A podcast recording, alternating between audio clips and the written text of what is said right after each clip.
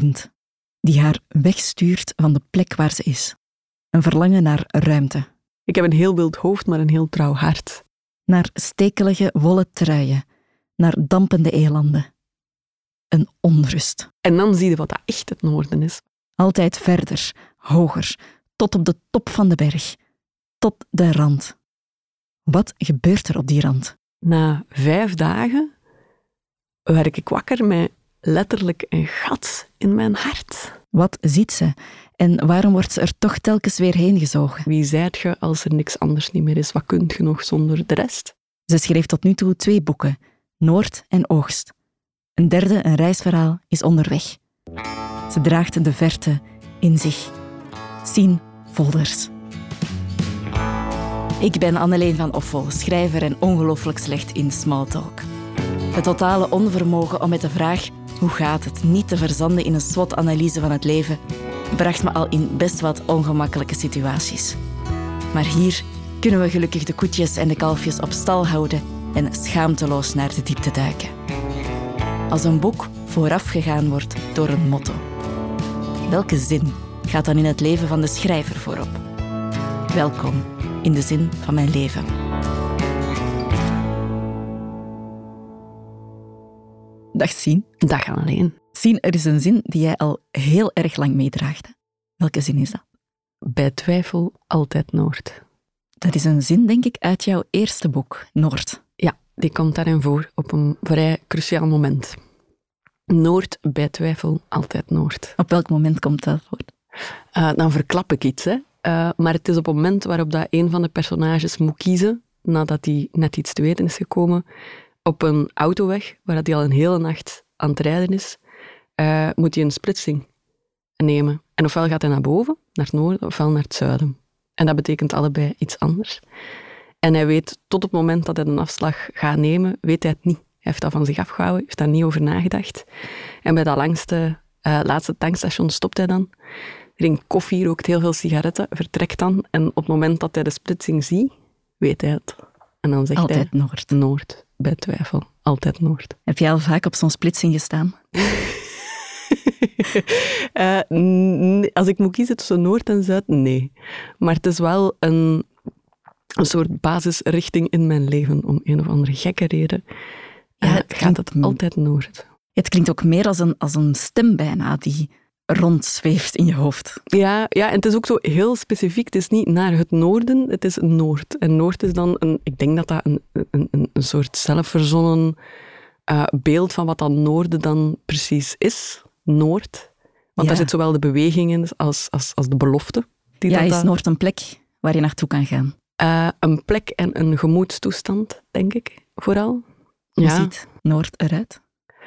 Eh, Noord kan er heel verschillend uitzien. Mijn, mijn theorie daarover is dat dat heel vergelijkbaar is met wat ooit het Westen was. In de tijd dat Amerika nog eh, door de westerse mens ontdekt moest worden. Die was natuurlijk al lang ontdekt. Ehm, dat was toen een nieuwe wereld. En dat, dat, dat is ook het gevoel dat heel hard uit, uit Westends naar voren komt. Zo, altijd die belofte van het einde van de weg. Dat betekent dat je losbreekt van, van al wat je achter je laat. Eh, niet om daar definitief afscheid van te nemen of omdat je er absoluut van afkeert, maar het is een soort een, een evenwichtsoefening. En sommigen gaan daar dan wel echt in. Ehm, breken zich los, kijken wat dat erover schiet als je jezelf losgeurt van die maatschappij, de, het verhaal, het leven dat Into je achter je wild. laat. Ja, wat, wat schiet er dan over? Hoe, hoe bouwt je jezelf op eh, in die nieuwe plek? Heel vaak is dat ook, ja, natuur is daar zeker, eh, wildheid is daar een heel belangrijk element in. Eh, die natuur en dat terugkoppelen naar wie, wie, wie zijt je als er niks anders niet meer is? Wat kunt je nog zonder de rest? En in de loop der tijden is het Westen helemaal gewonnen natuurlijk. Ze zitten helemaal tot aan de andere kant van de oceaan. Ehm, dus dan schiet nog het noorden over. Het ongerepte grote noorden. Ja, nog niet zo lang geleden zei iemand daarover van, ja, maar toch ook de bergen. En dat is waar. Ah, je ja. kunt ook naar boven gaan in de andere richting. Ja, ja, ja, ja. Opstijgen. Ehm, ja, jij komt eigenlijk letterlijk nu uit het noorden. Waar was je gisterochtend? Gisterenochtend werd ik nog wakker op de Orkney-eilanden in Kirkwall. En ik heb nu letterlijk nog de modder van het noorden aan mijn schoenen hangen. En hoe ben je daar terechtgekomen? Wat deed je daar? Uh, ik ben daar nu tien dagen geweest in het kader van een hele fijne schrijfopdracht.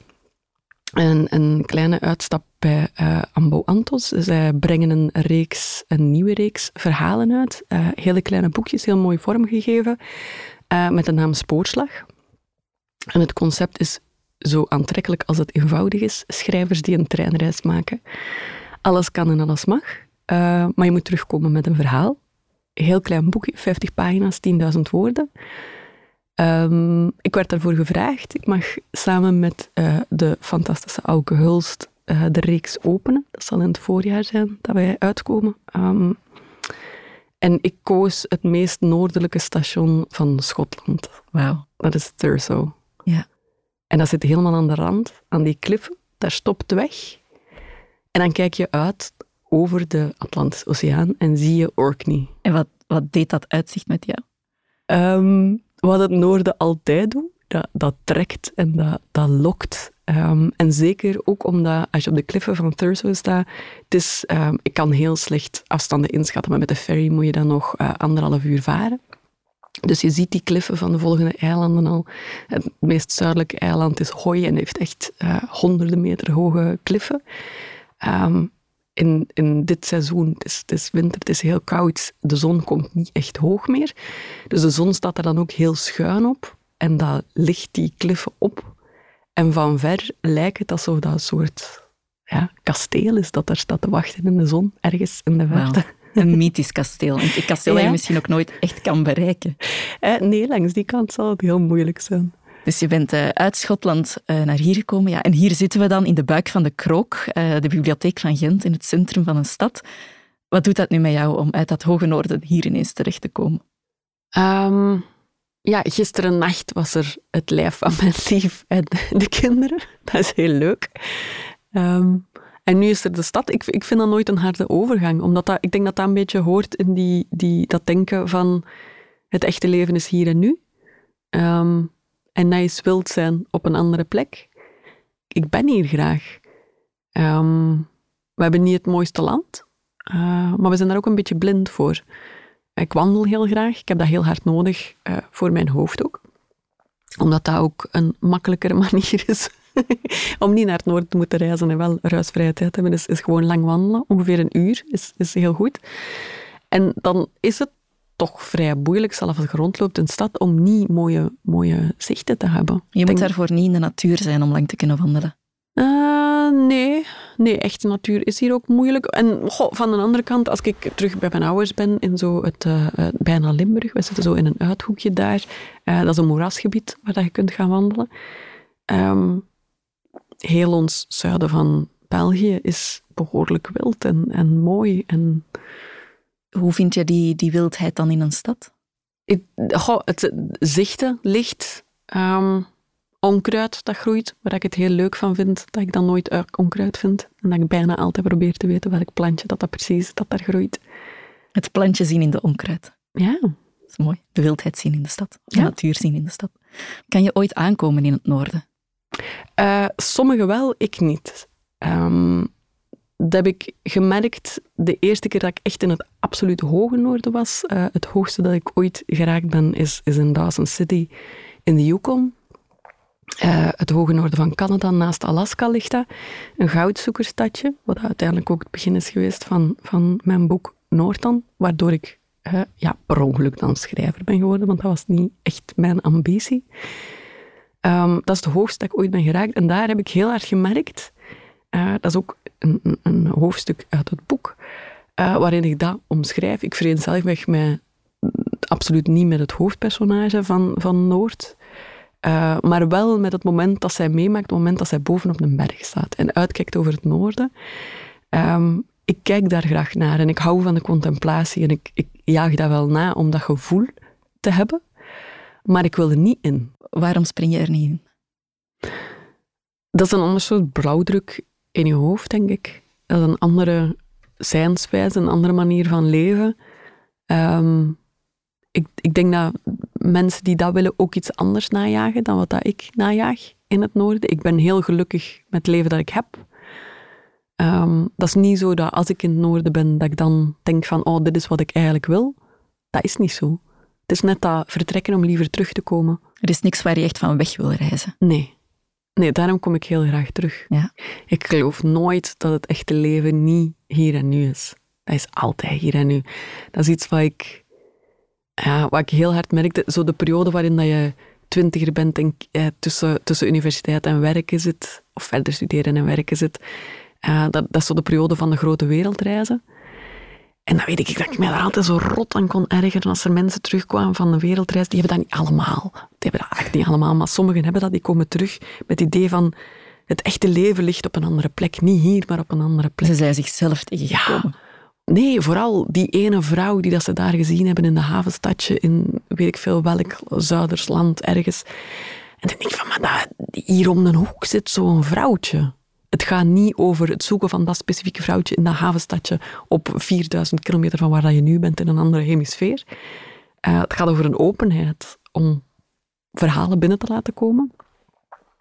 En dat lukt idealiter ook gewoon hier. Maar het echte leven is altijd hier en nu. En lukt het jou om altijd die openheid te bewaren? Nee, daarvoor moet ik dus soms op een trein stappen. Ja. of lang genoeg wandelen. Dat helpt ook.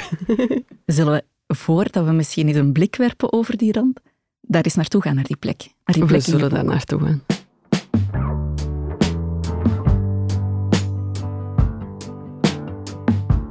Berg. Adam en Sarah beklimmen de laatste steile meters. Muddy klauterde een eindje achter hen aan, de bek ver opengesperd en haar tong naar buiten. Boven waait het hard. Nog voor ze het uitzicht bekeken heeft, trekt Sarah haar trui over haar hoofd. Haar t-shirt glijdt mee omhoog en ontbloot haar buik. Blank, slank. Aram ziet een moedervlek naast de kleine navel. Hij kijkt weg wanneer ze uit haar trui tevoorschijn komt. Ze staat stil te kijken. Met een overweldigde blik draait ze zich naar hem om. Adam, wat? Ze blaast. Hij weet hoe het voelt. Het doet er weinig toe of het de eerste of de honderdste keer is. Het uitzicht blijft overweldigend. In het tal links van hen ligt Forty Mile, nog amper zichtbaar. Voor hen ligt het wijdse noorden. Een oneindig aantal bergen, van een gescheiden door de grote rivier die van oost naar west loopt en als een steeds dunner wordend zilverlint aan de einder verdwijnt. Om hen heen is er enkel het geluid van de wind. Op het stadje onder en na is nergens een teken van menselijk leven te zien. Geen huis, geen weg, geen boot, geen rook. Adam spreidt zijn armen. De horizon der horizonten, hij loopt naar het einde van het vlakke stuk, de laatste richel voor de steile afgrond. De wind rukt aan zijn kleren. Zijn hart gaat tekeer, wild, trekkend, zijn noorden. Hij kijkt achterom. Ze heeft zich op de grond laten zakken en kijkt om zich heen. Hij laat zich naast haar vallen. In kleermakerszit raakt zijn knie de haren. Murray gaat naast Sarah zitten en vlijt haar kop in haar schoot. Grinnikend kijkt Adam toe. Doorgaans wil ze niet van vrouwen weten. Sarah aait het beest. Hij ziet hoe de grote zwarte steen in haar armband opzij gedraaid raakt en reikt naar haar pols om de steen weer op zijn plaats te schuiven. De wind koelt het zweet op haar rug snel af. Met spijt ziet Adam de diepe uitsnijding van haar shirt weer onder het dikke katoen van haar trui verdwijnen. Sarah gaat op haar knieën zitten en gebaart naar het noorden, en daar is dan niks. Daar is alles. Alleen geen mensen. Hij ziet hoe ze onder de indruk is. Hij praat over hoe dit was waarvoor hij kwam, jaren geleden. God, Adam, dit is gewoon te veel. Ze zegt dat het beangstigend is, dat ze zich niet kan voorstellen dat iemand daarin zou trekken, zoals de pelsjagers ooit deden, nog lang voor de goudziekers kwamen. Helemaal alleen die noordelijke wildernis in, geen weg en dus ook geen weg terug dat het zo leeg is, zo, zo godverdomd leeg. Als je vanuit het zuiden komt, zijn er tot aan Whitehorse nog stadjes, dorpen, losse boerderijen. Daarna stopt het. Dat er alleen 40 mile is en, en dat het dan ophoudt, is gewoon eng. Dit is machtig, duizend keer groter dan ik me kan inbeelden, maar alles in mij schreeuwt dat ik liever nu naar beneden ga, terug dat stadje en vergeten hoe groot het is. Adam wijst naar de horizon. Het houdt niet op, zegt hij. Het wordt mooier. Hij vertelt hoe er wel nog leven is, tot helemaal aan de noordelijke IJszee, in de enkele dorpen van de eerste bewoners. Dorpen, nederzettingen met daarin de laatste muzikanten die nog de muziek spelen waarvoor hij naar het noorden kwam. Athabascische muziek. De vioolliederen die de eerste pelsjagers meer dan honderd jaar geleden vanuit hun Ierse en Schotse huizen en herbergen meenamen.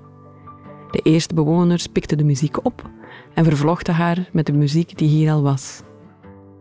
In de rest van de wereld zijn de oude liederen verdwenen, wordt nu anders viool gespeeld en zijn de dansen vergeten, maar hier, hier leeft de muziek nog zoals een eeuw geleden leefde. Sarah kijkt van zijn handen naar de horizon. Is dat de muziek die je gisteren met die oude man speelde? Oh god, nee. Dat, wat Willy speelt is de oude blues en bluegrass en niemand doet dat beter dan hij. Hij is onwaarschijnlijk. Op zijn twaalfde speelde hij al in bluesclubs. Die man ademt muziek, Sarah. Hij speelt het in zijn slaap. Jacob en ik draaien zijn platen grijs nog lang voor wij zelf naar hier trokken. Maar wat hij speelt en hoe hij speelt had niet bestaan zonder wat daar nog is. De muziek van gisteren was oud, maar daar ergens leven de wortels van wat je hoorde. Hij wijst naar de einder. De pelsjagers die het noorden introkken hadden niets dan wat ze zelf konden dragen. En toch zijn er een paar geweest die hun viool meesleepten, honderden mijlen het land in. Ze brachten een muziekstijl mee, liederen die nergens ter wereld nog bestaan. Enkel hier, omdat er nooit iets kwam om ze te doen vergeten. En al die goudzoekers dan? Hij haalt zijn schouders op. Die zijn nooit verder geraakt dan 40 mile. Het is een medogeloos land hier, Sarah. Zij wilden hier overleven voor het goud. Een reden om nog noordelijker te trekken is er voor hen nooit geweest. Adam kijkt daar aan met een lachje. Ik studeerde viool aan het Koninklijke Conservatorium van Toronto. Jarenlang, acht uur per dag, muziek, soms meer. Het voedde me, vervulde me, gaf me alles wat ik dacht te willen hebben. Tot ik die Townfilter hoorde spelen. Het was op een festival waar hij naartoe getrokken was om de belangen van zijn volk te behartigen in de eerste gesprekken over zelfbestuur en landclaims. Ik ging luisteren omdat ik de speeches wilde horen. En toen speelde hij. Het was alsof hij mijn hart openspleet en tot in het diepst van mijn ziel graaide. Nog geen maand later ben ik gestopt met het conservatorium en hier naartoe getrokken. Zijn muziek achterna. Mijn ouders snapten er niks van. Mijn docenten nog minder. Ik zou willen dat ik een manier wist om er binnen te komen, om daar te geraken. Hij hoort Sarah een paar keer aarzelen. Dan vraagt ze of ze niet terug moeten naar de andere twee. Adam staat op en trekt haar overeind. Wanneer ze rechtop staat, merkt zij hoeveel groter hij is. Als hij zijn nek zou buigen, zou hij zijn wang op haar kruin kunnen leggen. Ze houdt zijn hand langer vast dan nodig.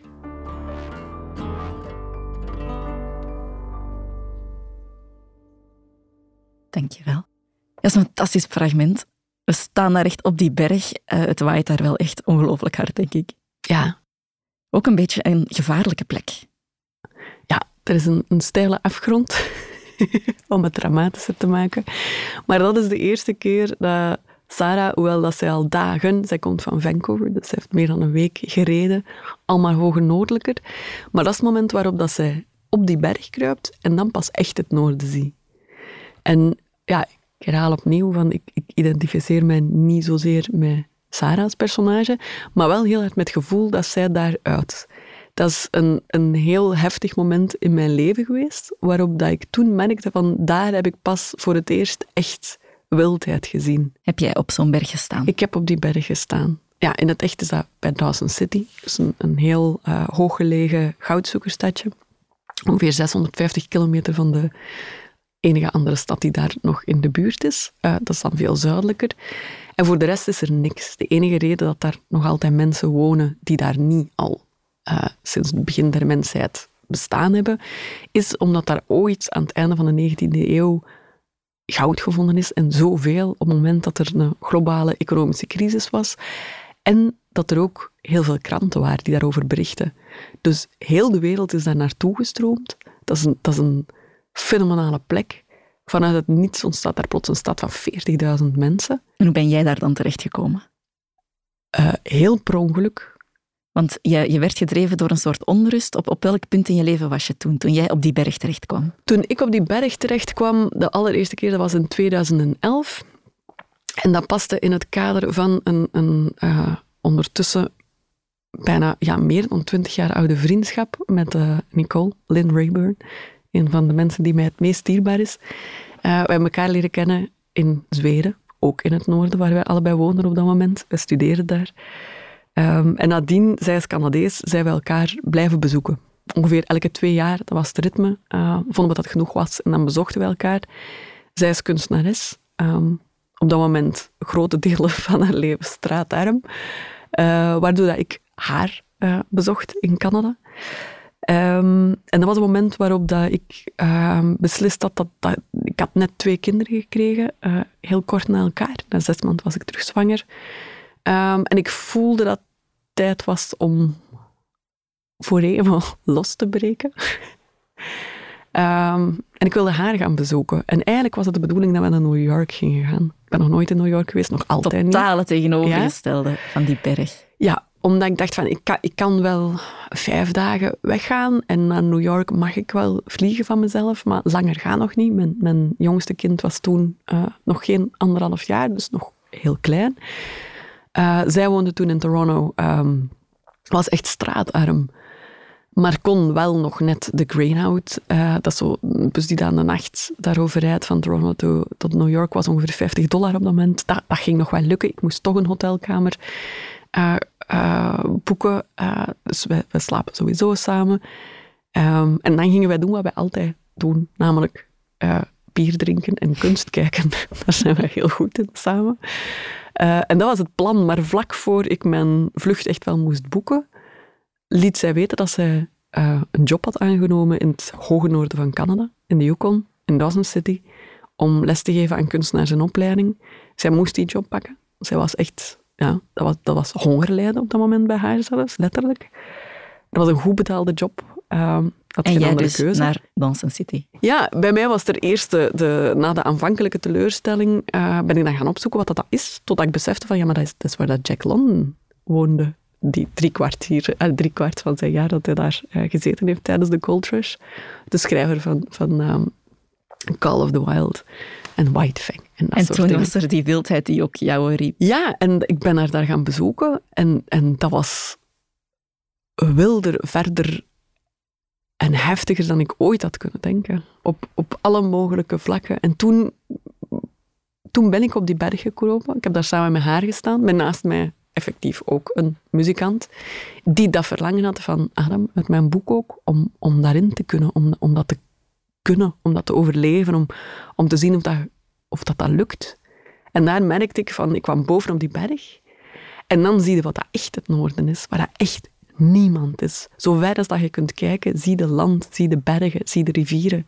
En daar is niks en niemand, geen enkele stad, behalve zo die paar flight communities van die First Nations die je daar hebt, die daar nog altijd leven. Grotendeels hoe dat ze dat bijna altijd gedaan hebben. En was het dan een antwoord op die onrust die jij voelde? Gaf het dan ook op een bepaalde manier misschien rust om daar te staan? Ja, het, het is een, een, verlangen dat mij altijd terug naar, naar het noorden trekt, gecombineerd met wat dat nu ook wel gebeurde voor die, die schrijfopdracht. Um, ik, ik vertrek heel graag om liever terug te komen. Um, dat, dat is een heel mooie combinatie.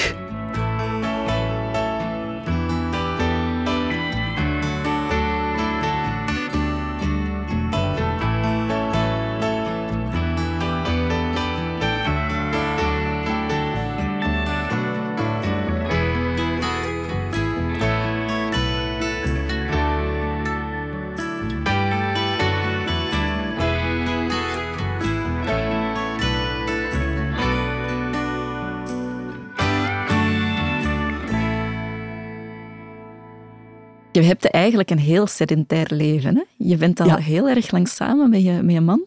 Ja. En je hebt drie kinderen. Dat lijkt voor veel mensen, denk ik, net zo het, het, het tegenovergestelde van, van ja, of, of eigenlijk net die, die drang naar het noorden onmogelijk te maken.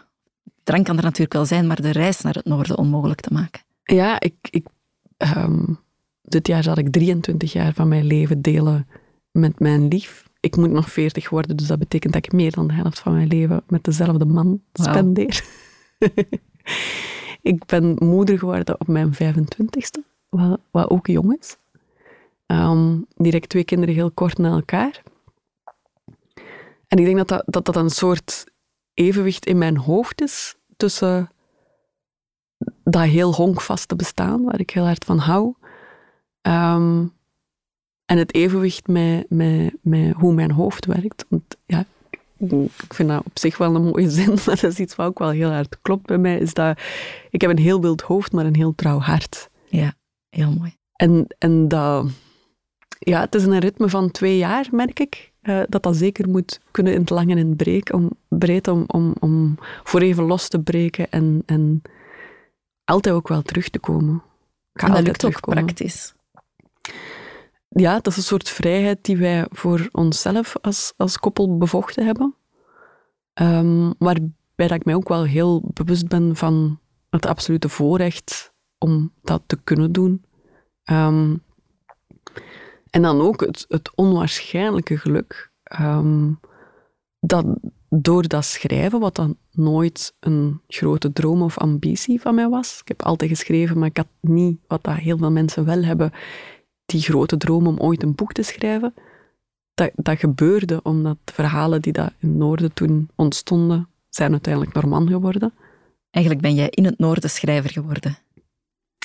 Ja, ik, ik, ik blijf heel schroomvallig over de term schrijver. Uh, ik, ik vind dat een soort eretitel, een, een, uh, zoals kunstenaar. Dat moet je verdienen en dat verdien je door uh, ja, een zekere mate van talent, dat zeker, maar ook ambacht en volharding.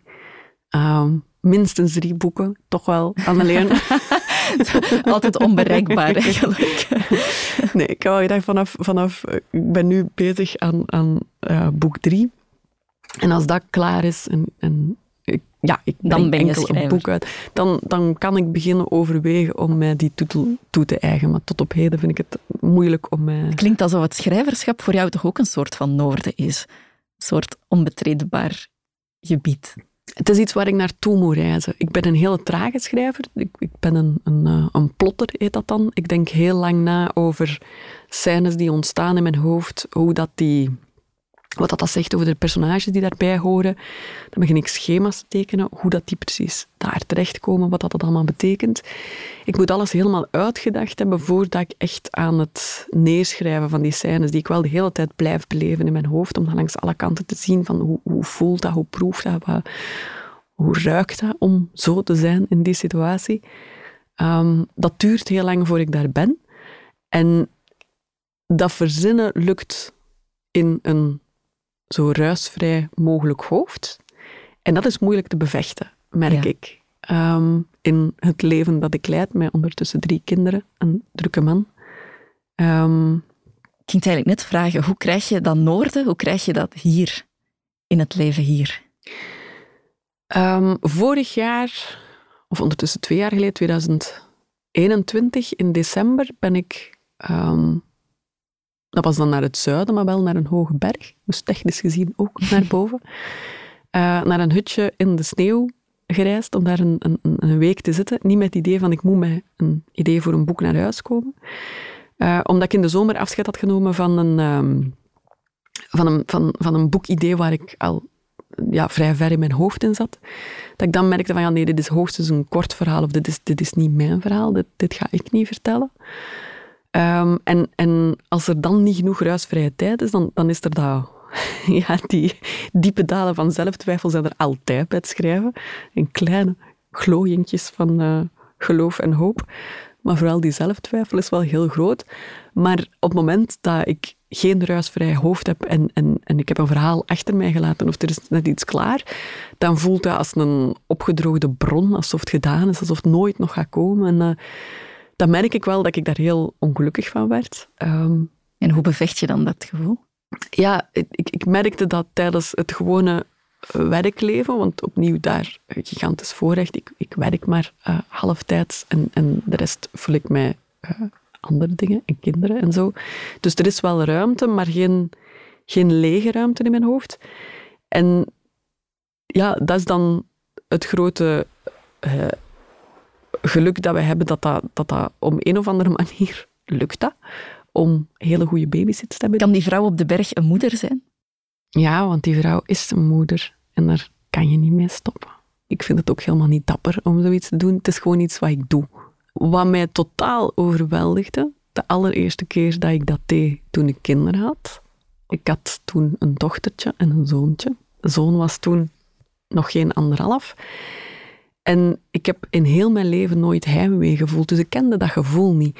Ik, ik heb wel mensen gemist, maar dat heeft mij in niks voorbereid op wat dat is om een kind te missen. Ehm, en dat was tijdens die, die eerste keer in het Hoge Noorden. Dat was een wereld die ik niet verwacht had, een gevoel dat ik niet had zien aankomen. Dat was wild, dat was vrij, dat was fenomenaal. Dat was wat ik heel hard nodig had. Ehm, en er zijn heel weinig vrouwen in het Hoge Noorden. Bijna alle vrouwen die ik daar zag waren ook ouder. Sommige daarvan hadden kinderen, maar die waren allemaal al volwassen. En op het moment dat hij hoorde dat ik een kind had van, van zo klein, dan nog twee, zei hij van, maar wat doe jij hier? En die eerste dagen is het van, ja, dat is heel duidelijk wat ik hier wil komen doen. Ik, ik, ik jaag het noorden na. En gek genoeg, na vijf dagen werd ik wakker met letterlijk een gat in mijn hart. Zo voelde dat. Zo dat echt fysiek was van, wat doe ik hier in godsnaam? En dat is de eerste keer in mijn leven dat ik dat soort gemis gevoeld heb. En dat heeft mij toen heel hard ontwricht in de zin dat ik wel voelde van dat verlangen om op los te breken, dat, dat bleef er wel, maar er was plots die angst van ja, maar dat, dat gevoel is wel heel moeilijk. Hoe ga je daar dan mee om? Want dat gaat niet over hen. Die had het helemaal prima thuis. En als ze mij hoorden, misten die mij wel.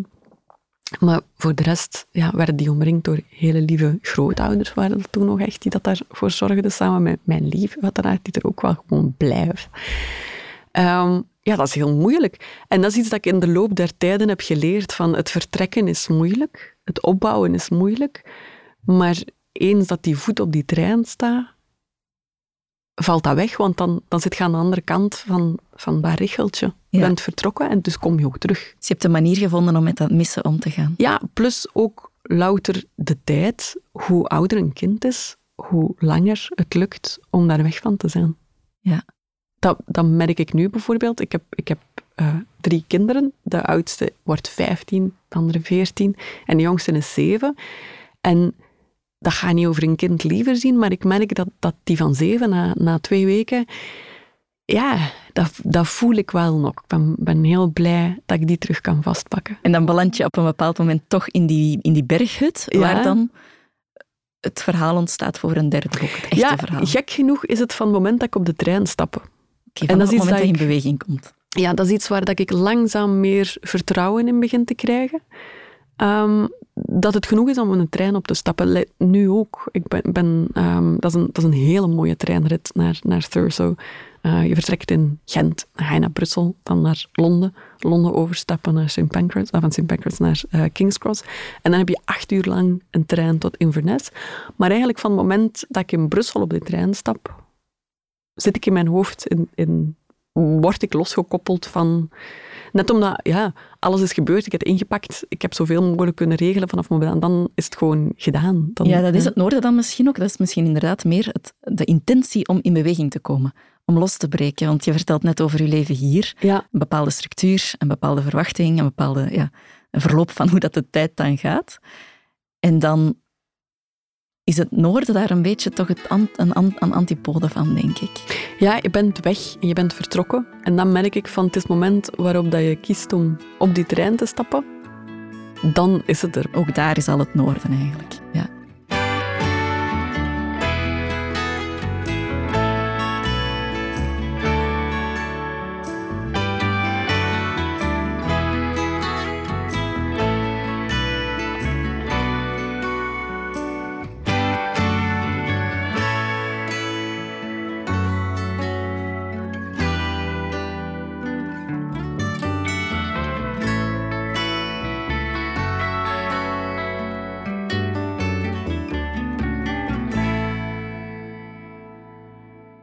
Noorden, het is ook een beetje een gevaarlijke plek. Een beetje een duistere plek, een, een zuigende plek. Een, ja, een plek waar, waar de grens tussen leven en dood helemaal niet zo, zo scherp is. Dan denk mhm. ik ook aan het einde van Into the Wild. Uh, zit er gevaar in dat verlangen? Um, ik ben wel heel roekeloos, merk ik vaak. Um, ik denk dan altijd dat dat wel meevalt. Um, als ik dan nuchter nadenk, dan merk ik toch van, oi. Zoals ook in Thurso. Ehm, ik kom toe nadat ik zo de Far North Line helemaal uh, bereisd heb per trein. En het is donker, want om drie uur wordt het donker. Dat was een misrekening. maar ook wel heel fijn, want dat beperkt uw dagen. Maakt het licht ook heel mooi. Ehm, het is stikdonker en ik wil nog gaan wandelen, dus ik wandel in die haven. En dan heb je aan de, haven van Thurso, dat is, dat, is een dat is een grote baai eigenlijk van Thurso. Dus je hebt daar een uitsteeksel waar dan een, heel fel groen licht op staat, om te zorgen dat daar geen schepen tegen varen. En aan de andere kant van de baai van Thurso heb je een heel grote uh, vuurtoren. En dan zie je ook de vuurtoren van Hoi.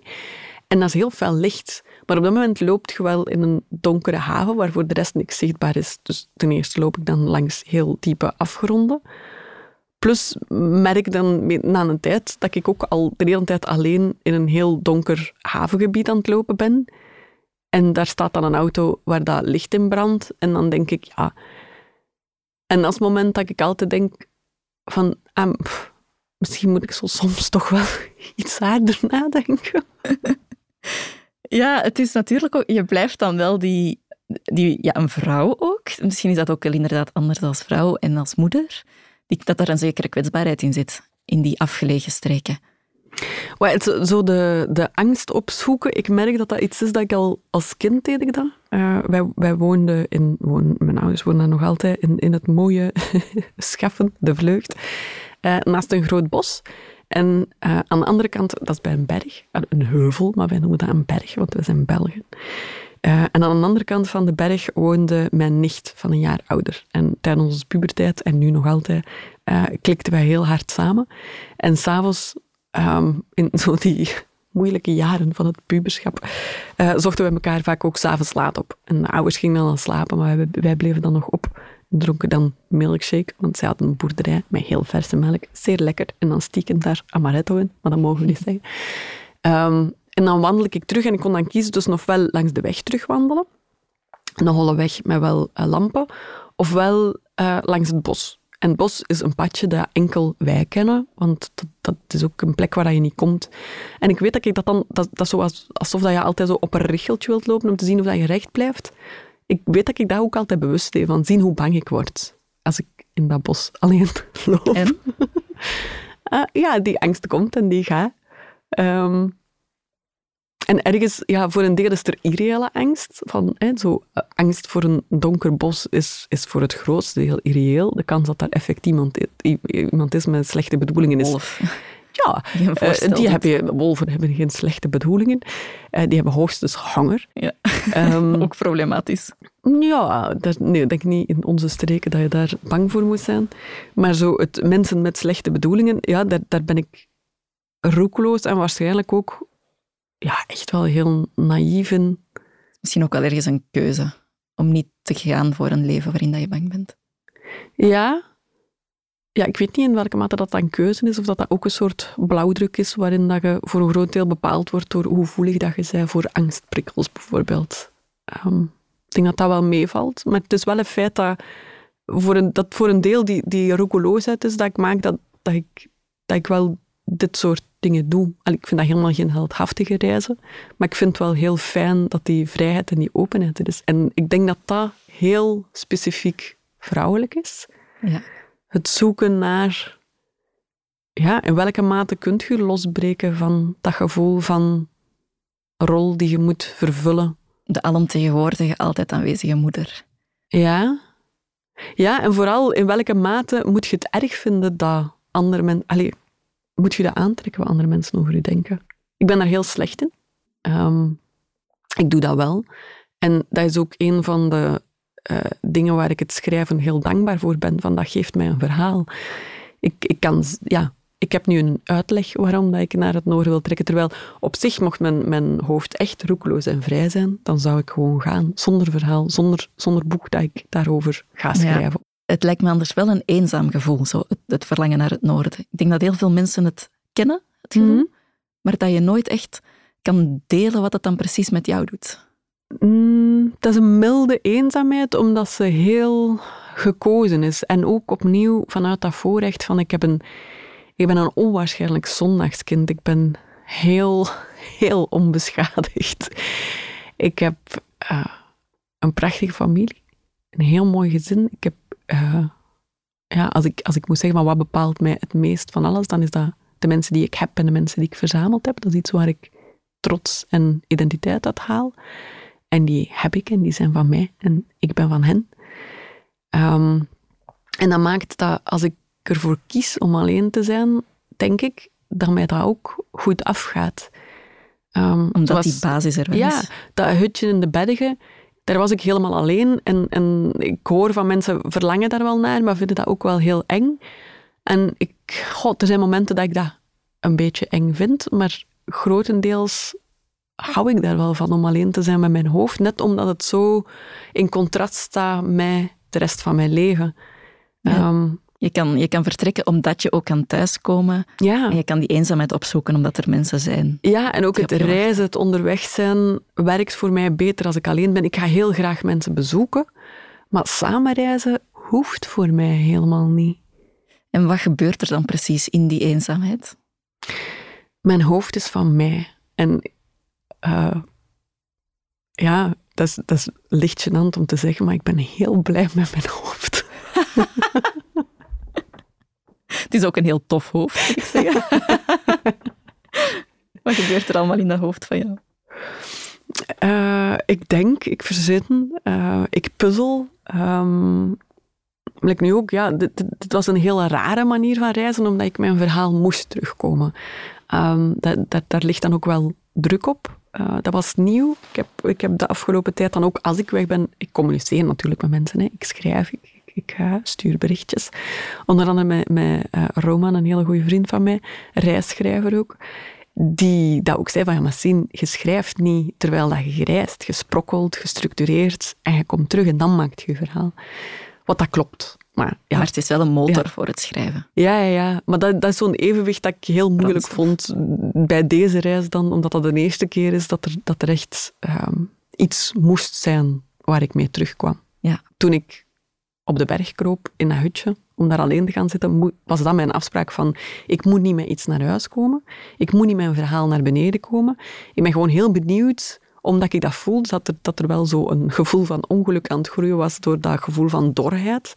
En, en dat was dan zo een momentopname van, als er dan die rust is, wat is er? Om dan te merken van, ja, tuurlijk is er ondertussen al lang iets aan het groeien in die donkere achterhoeken in je... Ja. En, en wat dat je dan doet, op, of wat dat ik doe op zo'n moment, is blijkbaar ja, een beetje zo'n serreplantje dat ineens heel veel licht krijgt. En dat kan dan wel een hele tijd verder. Ook als mijn hoofd door andere dingen gebruikt wordt daarna, groeit dat wel verder en lukt het mij om sneller terug in te tappen in dat verhaal waar ik nog over na wil denken. Ja, eigenlijk in die grote wijsheid van het noorden, die ja, onvoorspelbaarheid ook. Je weet nooit wat het noorden brengt. Daarin liggen net de antwoorden die je dan thuis misschien zoekt. Ja, het, het helpt heel hard om, om dat denken te doen stromen op alle mogelijke manieren. En te kunnen wisselen tussen het, het, het wild verzinnen en het echt heel uh, pragmatisch structurerend aan de slag gaan. Want dat, dat doe ik ook wel heel graag. Gek genoeg. En dat ik ben, is dan voor thuis? Nee, daar ook heel hard hoor. Want dat is, ik vind het altijd heel raar als ik kijk naar hoe, hoe dat ik verhalen bouw. Dat, dat ziet er heel mathematisch uit, met schema's en strikte plannen dat ik heb. Terwijl, ja, ik, ik lijk heel hippie in hoe dat ik eruit zie, wat dat ik doe, hoe dat mijn hoofd werkt. Maar als het gaat over verhalen verzinnen, ben ik heel precies. Wat niet wil zeggen dat het dan klopt als ik het opschrijf, hè? want dan moet ik het vaak nog herschrijven. Ik ja, dat is ook een constante bij mij. Ik herschrijf veel liever dan dat ik schrijf. Ja. Je vertelde al dat je heel graag thuiskomt. Wat betekent thuiskomen voor jou? Dat is een heel fysiek iets. Um, wat mijn zoon en mijn man hebben mij het geur mee willen meenemen naar uh, die andere plek. Dat is het eerste dat ik terug wil. Huid en geur. Uh, ja. Mens. Mens, ja, mijn, mijn mensen. Mijn, mijn lieve mensen. Heb je al een titel voor het nieuwe kleine boekje? ja, bij twijfel altijd Noord. Je meent het ja. Blijf terugkomen. Ja, was een voorstel van de uitgeverij die daar vrij stellig in was dat dat de beste titel was. En ik heb heel lang en hard gezocht om er dan op uit te komen dat dat gewoon zo is. Hij heeft zichzelf opgedrongen, toen ja. titels soms. Hoe kom jij tot rust? um, wandelen helpt. Lange, lange wandelingen. Altijd opnieuw, ja, dat, dat mijn hoofd bevechten voor mezelf. Dat is geen harde strijd, uh, maar het is altijd leuk om te merken dat als ik daarin stap, dat ik daar heel graag ben. Dankjewel, Sien. Dit was de zin van mijn leven. Een podcast van Curieus in een productie van House of Media en ik ben Anneleen van Offel. Wil je de zin van je leven zeker niet missen? Volg ons dan op Spotify of op je favoriete podcastkanaal. Daar kan je ook een review achterlaten of tip ons aan je vrienden.